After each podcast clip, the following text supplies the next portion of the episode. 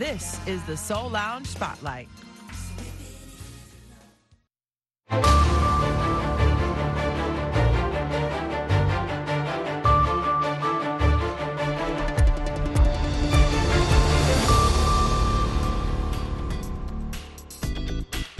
halkani waa washington laantaaf soomaaliga idaacadda v o a waad ka dhegaysanaysaan mawjadaha gaagaaban efemyada geeska afrika iyo caalamka oo dhan oad nagala socotaan v o a somaly com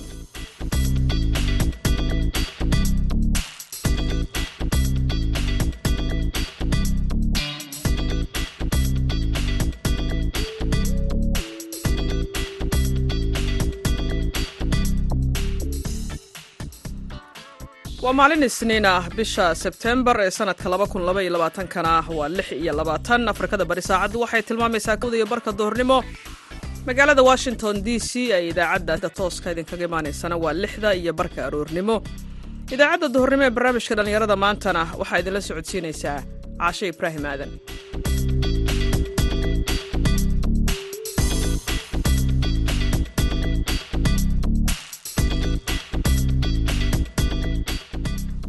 qodobada aad ku maqli doontaan idaacadda duhurnimona waxaa ka mid ah deegaanada gobolka gado qaarkood oo weli ay ka jiraan abaaro baahsan oo saameeyey dal iyo dunyo waxaa sidoo kale aad maqli doontaan allah u naxariistay cabdinaasir yuusuf maclin oo ahaa saxaafi iyo qoraa oo xalay ku geeriyooday magaalada muqdisho. Waxaa sidoo kale aad maqli doontaan cayaarihii iyo weliba kaalimihii heesaha dabaacsan ee idaacaddu idinku tala gashay. Intaasoo dhan waxaa ka soo horreeya warka caalamka oo aan idin akhriyo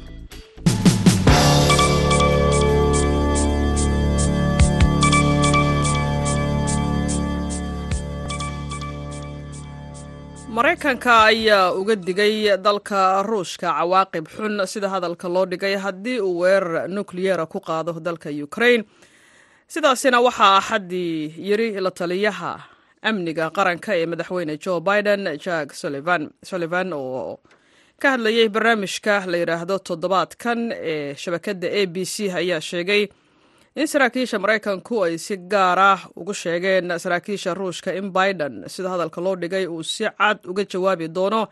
Haddii madaxweynaha ruushka valadimir putin uu amro weerar nukliyar ah laakiin ma uusan sheegin sida maraykanka uu uga jawaabi doono. Sullivan ayaa dhinaca kale waraysi kale oo gaar ah. Waxa uu ugu sheegay barnaamijka n b c barnaamijkiisa mid bress in ruushka uu si wanaagsan u fahmayo waxa uu maraykanku kaga jawaabi doono adeegsiga hubka nucleerka ee ukrain sababto ah buu yidri waana u qeexnay iyaga. Jawaabta maraykanka ayaa timid kadib markii madaxweynaha dalka ruushka valadimir putin oo muujiyey suurtagalnimada weerar nucleyer ah toddobaadkii hore isagoo oo ugu yeeray waa isagoo u yeeray saddex boqol oo kun oo kaydka militariga ah si ay gacan uga geystaan dagaalka toddobada bilood jirsaday ee duulaanka dalka ukrain dhinaca kalena nin hubaysan oo ayaa saddex iyo toban qof oo ay ku jiraan toddoba carruur ah. Halka in ka badan labaatan kalena ku dhaawacay iskuulla ku yaalla dalka ruushka isniintan maanta ah ka hor intii uusan isagana isdilin sida ay sheegeen baarayaasha macadda aqoonsiga qofka weerarka geystay iyo sababta ka dambeysay toogashada ka dhacday magaalada la yidhaahdo isvesk oo qiyaastii sagaal boqol iyo toddobaatan kilomitir dhanka bari kaga beegan magaalada moscow guddiga dambi baarista ee ruushka oo gacanta ku haya dembiyada waaweyn ayaa sheegay in ninka weerarka geystay uu xirnaa jaakad waxa ay sidoo kale soo bandhigeen guddigaasi muuqaal kooban oo muujinaya meydkiisa oo yaalla fasalka oo ay ku jiraan alaab guri iyo weliba waraaqada sandhulka. Guddiga ayaa sheegay in lixda qof ee qaangaarka ah ay ku jireen macalimiin iyo ilaalo. Waxa ay sheegeen in koob iyo labaatan qof oo kale ay ku jiraan oo ay ku jiraan carruur ay ku dhaawacmeen weerarkaasi uu geystay ninka hubaysan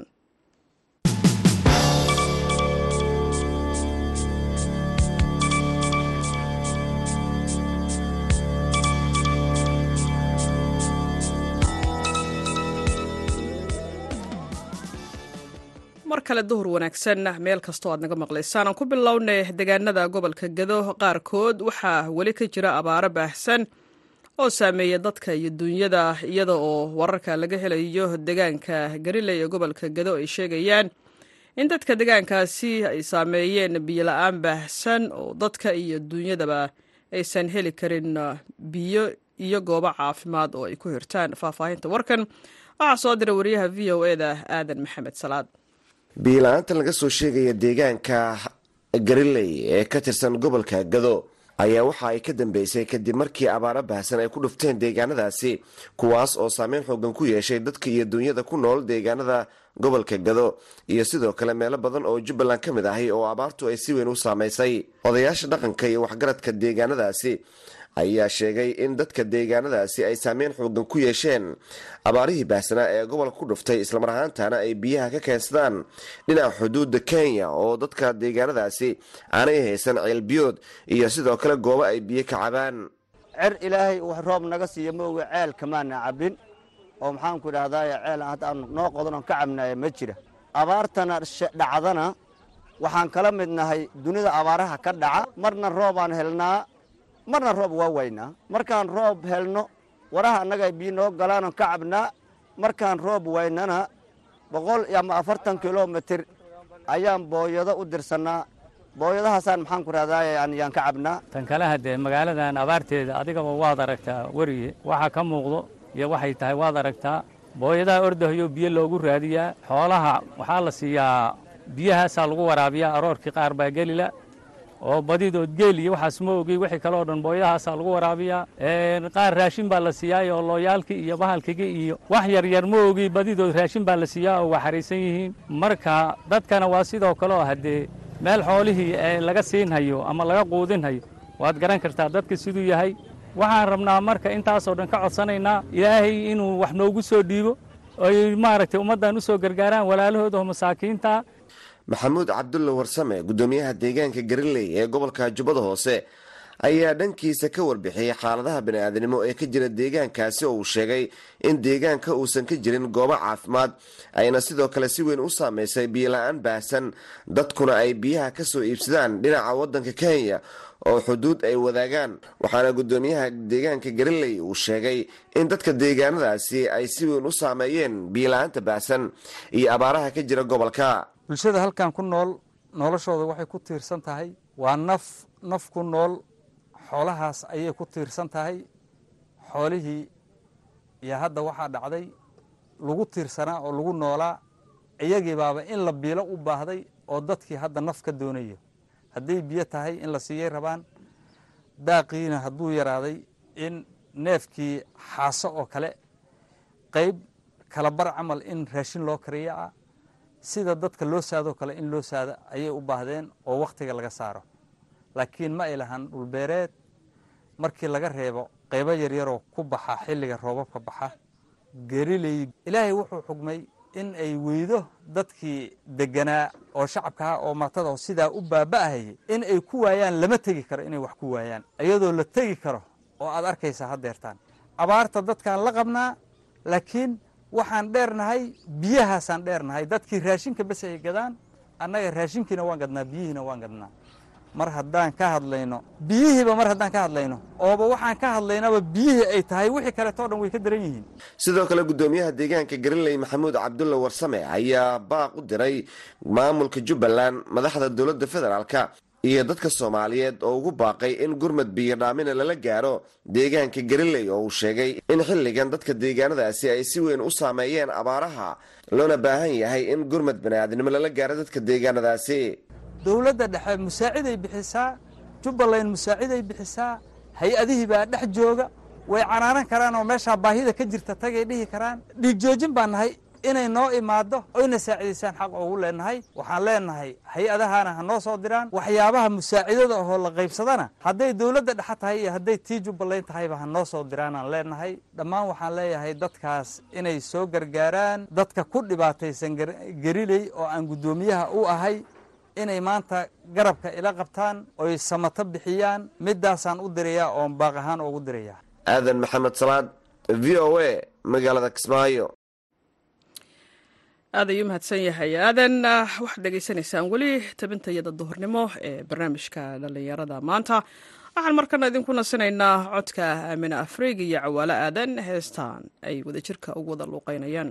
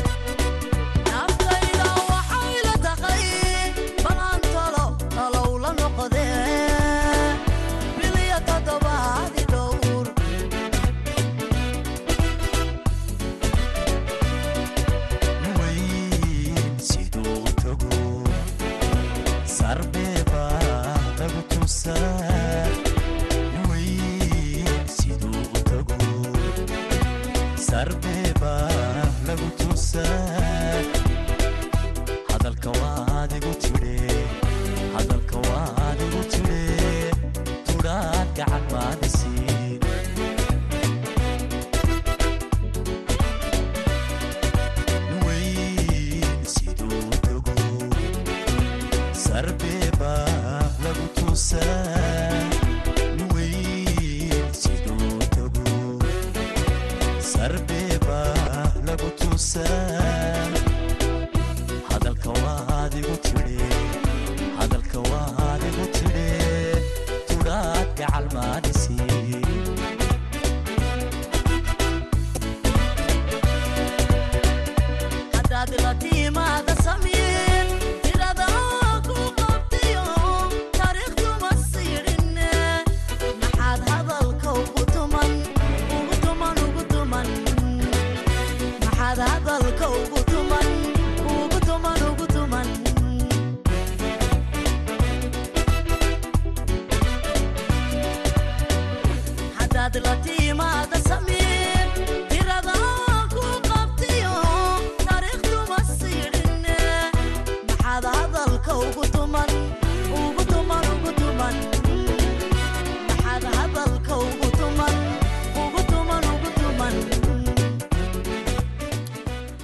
Taageero makaa helaa iyo fanaaniinta cawaalo aadan iyo aamin afriig ayaad dhegaysanayseen. Mar kale ayaan dib ugu noqonaynaa qaybaha kale ee idaacadda. Allah u naxariistee waxaa shalay galab magaalada muqdisho ku geeriyooday cabdinaasir yuusuf macalin oo ahaa saxafi iyo qoraa rugcadda ah. Sidoo kalena u dhaqdhaqaaqi jiray horumarinta afka soomaaliga. Cabdinaasir waxa uu hadda ahaa guddoomiyaha ururka qalinleyda iyo hal abuurka soomaaliyeed ee loo soo gaabiyo ben xafiiskiisa koonfurta soomaaliya. Waxaana warbixintan magaalada muqdisho ee ku saabsan geerida allah u naxariistay cabdinaasir muqdisho ka soo diray cabdulqaadir maxamed cabdulle khalafiidkii ayuu ku geeriyooday isbitaal ku yaalla magaalada muqdisho xilli ay dhakhaatiirta u diyaarinayeen in lagu sameeyo qalliin dhanka wadnaha ah siday v oda u xaqiijiyeen qaar ka mid a saaxiibada marxuum cabdinaasir marxuumka geeriyooday cabdinaasir yuusuf macalin ayaa ahaa guddoomiyihii bahda qalinleyda koonfurta soomaaliya ee soomaali ben wuxuuna ka mid ahaa shakhsiyaadka kooban ee dhexda u xirta uhelinta afka hooyada soomaaliga isagoo u soo jooga fagaarayaal looga hadlaya afka ee gudaha dalka iyo dibaddaba ruqadaa saxaafadeed cabdulaahi shiikaalow waxay isaqaaneen muddo ka badan labaatan sano waana soo wada shaqeeyeen cabdinaasir yuusuf macalin wuxuuna la ahaa saaxiib ay dharar badan soo wada joogeen. Fagaarayaal looga hadlaya xoojinta afka soomaaliga wuxuuna v o eda kaga waramay intuu ka yaqaana marxuumka iyo muddada isbarteen. Allaha u naxariisto ustaad cabdinaasir yuusufa macalin waxa uu ahaa haldoora ka mid ahaa ehelada afka dhaqanka iyo hal abuurka marxuumku waxa aan isbaranay horaantii sannadkii labada kun waxaana sanadihii laba kun iyo saddexdii laba kun iyo lixdii laba kun laba iyo tobankii iyo weliba sannadkii laba kun iyo sagaal iyo tobankii aan ka wada qayb galnay shirarkii somali pen ee lagu qabtay dalkaasi jabuuti. Allaha u naxariistay cabdinaasir yuusufa macalin waxa uu ahaa walaal ay adag tahay in la helo isaga oo kale. Noloshiisa inteeda badan waxa uu geliyey u adeegidda bulshada soomaaliyeed waxaana lagu xasuusan doonaa hiilkii uu ugu jiray daryeelka iyo xoojinta afka soomaaliga. Hubaashi bahda afka dhaqanka qoraalka iyo hal abuurka soomaaliyeed waxaa caawa ka baxay halyey qaali ah oo in badanba la tabi doono. Allaha u naxariisto walaalkeen cabdinaasir yuusuf macalin amiin yuusuf khasaar oo ka mid a suxufiyiinta waxhore ayaa ka mid a wariyaasha muddada dheer ay soo wada shaqeeyeen marxuumka wuxuuna v o eda kaga warramay wuxuu ka yaqaana marxuum cabdinaasir oo khala fiidkii ku geeriyooda magaalada muqdisho. Allah u naxariisto cabdinaasir yuusuf macali xuseen wuxuu ahaa saaxiib igu weyn. Muddo dheer ayaan isnaqaanay siiba sanadihii sagaashameeyadii iyo wixii ka dambeeyey wuxuu ka mid ahaa raggii ugu firfircoonaa marka la fiiriyo naadiga somali ben isagoo ka noqday guddoomiyaha naadiga somali ben ee koonfurta soomaaliya. Sidoo kale wuxuu xibin ka noqday akademiyada afka soomaaliga ee aga. Cabdinaasir allah u naxariiste wuxuu ahaa shaqsi aada u firfircoon. Inta uusan geeriyoonin ka wuxuu qoraya buug oo ugu magac daray xikmadda nolosha. Buuggaasi wuxuu xambaarsanaa waxyaabo fara badan oo nolosha iyo ku saabsan. Cabdinaasir muddo dheer ayuu ahaa guddoomiyaha naadiga somali ben kadib markii uu ka qayb galay shirweynihii naadiga somali ben ee lagu qabtay magaalada jabuuti sannadkii laba kun iyo saddexdii xildhibaan maxamed ibraahim macalimo oo ka mid a golaha shacabka wuxuu ka mid ahaa dadka aadka u yaqaana cabdinaasir iyagoo soo wada gala safaro badan oo ujeedkiisu ahaa weynaynta afka soomaaliga wakhti kala duwan ay soo wada qaateen. Inna lilahi wa inna ilayhi raajicuun. Allah u naxariisto cabdinaasir yuusuf macalin wakhtigiisa ayaa halkaa ku ekaa xanuun ayuu u dhintay oo dhinaca wadnaha waxa uu ahaa qof ka tirsan bahda waxbarashada soomaaliya oo jaamacadda muqdisho maamulkeeda ka tirsanaa waxa uu ahaa qof ururada bulshada caanka ah waxa uu ahaa qoraa waxa uu wakiil u ahaa naadiga qalinleyda soomaaliyeed ee maaragtay wakiilkoodii koonfurta bartamaha soomaaliya. Waa nin qoraalada iyo arrimaha maaragtay aada uga dhex jiray bulshada soomaaliyeed gaar ahaan magaalada muqdishona caanka ahaa soo maray saxaafadda iyo wariyaashii soomaaliya iyo ururadii saxaafadda qeyb weyn ka soo qaatay oo ka shaqeeyey. Marka waxaan leenahay ilaah u naxariisto waa geeri xanuun badan cabdinaasir xildhibaan macalimo ayaa weydiiyey waxaa lagu xusuusan doonaa allaha u nakhariistee cabdinaasir yuusuf macalin guddoomiyihii bahda qalinleyda ee koonfurta soomaaliya. Waxyaabaha lagu xusuusan karo cabdinaasir waxa uu ahaa in had iyo jeer uu joogi jiray meelaha afka soomaaliga iyo qoraalada waxaa uu tegi jiray meel walba oo af soomaali iyo shir af soomaali looga hadlayo. Waxa uu soo saari jiray oo ka shaqeyn jiray buugaagta iyo soo saaritaankooda dad badan oo dhalinyaro ayuu ku saaciday inay wax qoraan waxaana uu mar walba u tegi jiray hadday yihiin magaalooyin kala duwan oo soomaaliyeed iyo weliba dalka dibadiisa iyo deriska oo dhan wax la xiriira sidii afka soomaaliga uu u noolaan lahaa. Marka waxaan leenahay ilah u naxariisto inaa lilah wa inaa ilayhi raajicuun allaha u nakhariistay cabdinaasir yuusuf macalin wuxuu ka mid ahaa dadka dhigaalka u ahaa afka soomaaliga wuxuuna xilli walba isku dul saarnaa qalinka iyo buugga isagoo daba joogay ururinta suugaanta iyo afka soomaaliga wuxuuna haya taariikhda haldoor dhintay allaha u nakhariistee kuwaasoy ka mid ahaayeen doctor xuseen sheekh axmed kadaro lagu yaqaanay farta soomaaliga iyo doctor maxamed daahir afrax oo isna dhowaan geeriyooday. Cabdulqaadir okey v o a muqdisho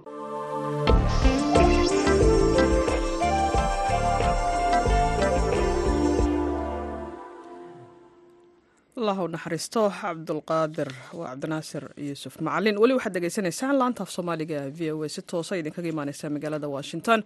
Haatanna waa wararkii dhinaca ciyaaraha oo inoo hayo cabdulqaadir samakaab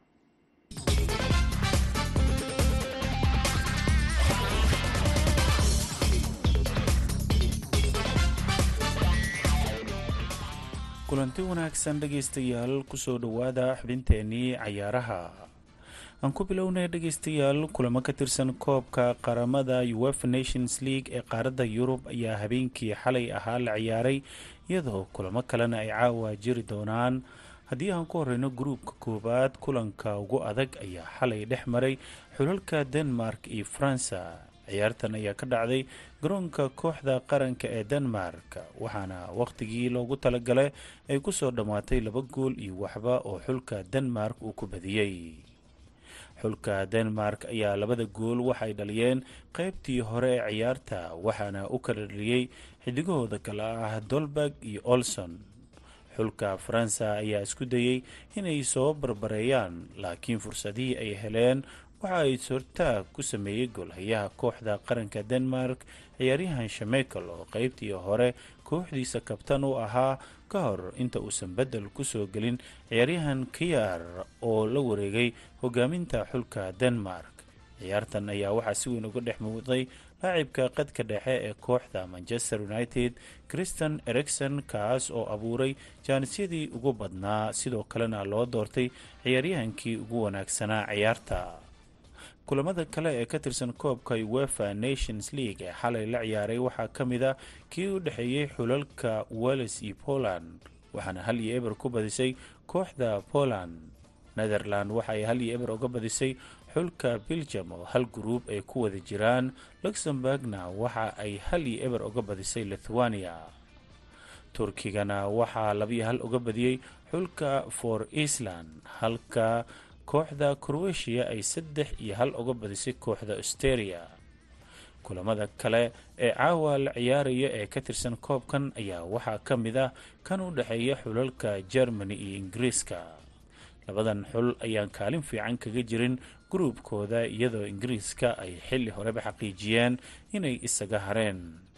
Gibraltar iyo georgia ayaa isku aadan north macedonia iyo bulgaria ayaa wada ciyaari doona halka montenegro ay la ciyaari doonto kooxda kale ee finland.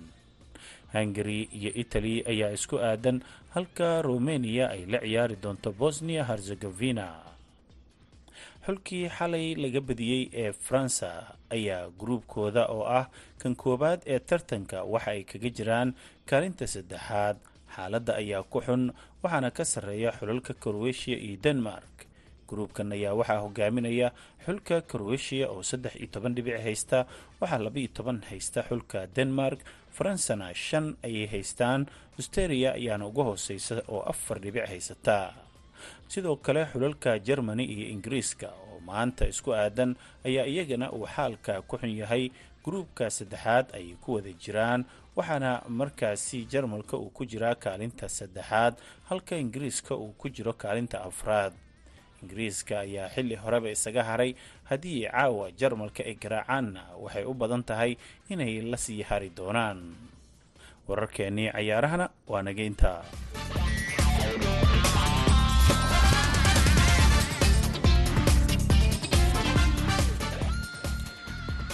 aad ayuu mahadsan yahay cabdulqaadir maxamed mursal samakaab iyo wararka dhinaca cayaaraha mar kale ayaan dib idinkugu celinaynaa heesihii dabacsana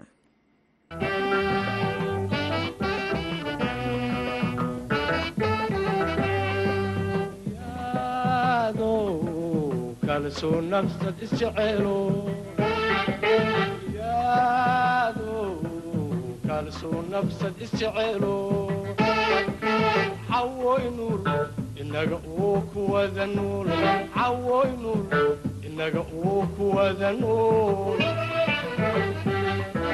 cawoy nuul inaga uu kuwada nuul cawoy nuul inaga uu kuwada nuul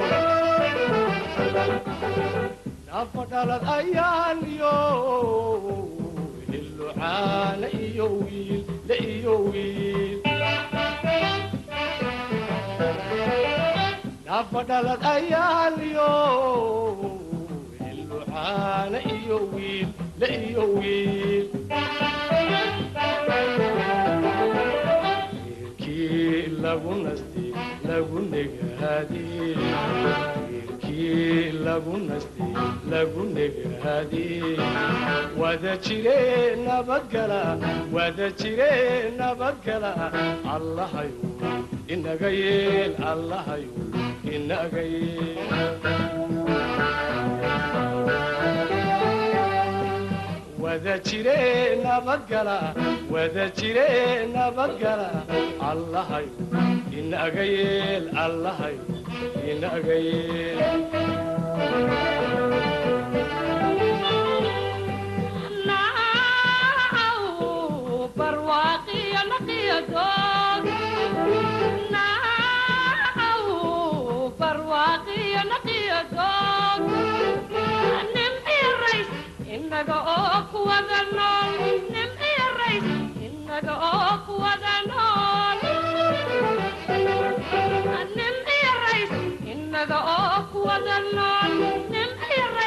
inaga oo kuwada nool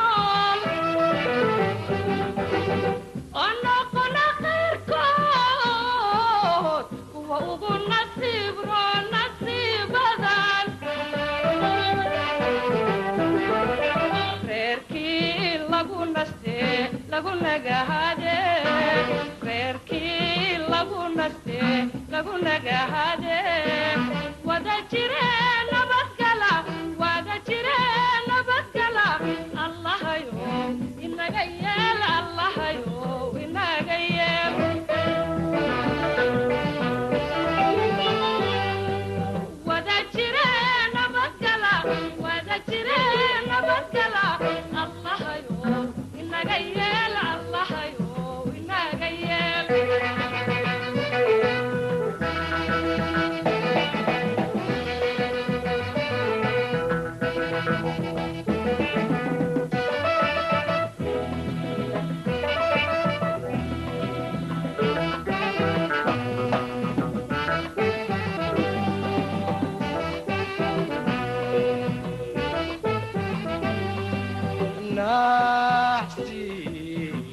dhibaatiya naciyo xumo naxsi dhibaatiya naciyo xumo naxdin belo inaga uu aan soo marin naxdin belo inaga uu aan soo marin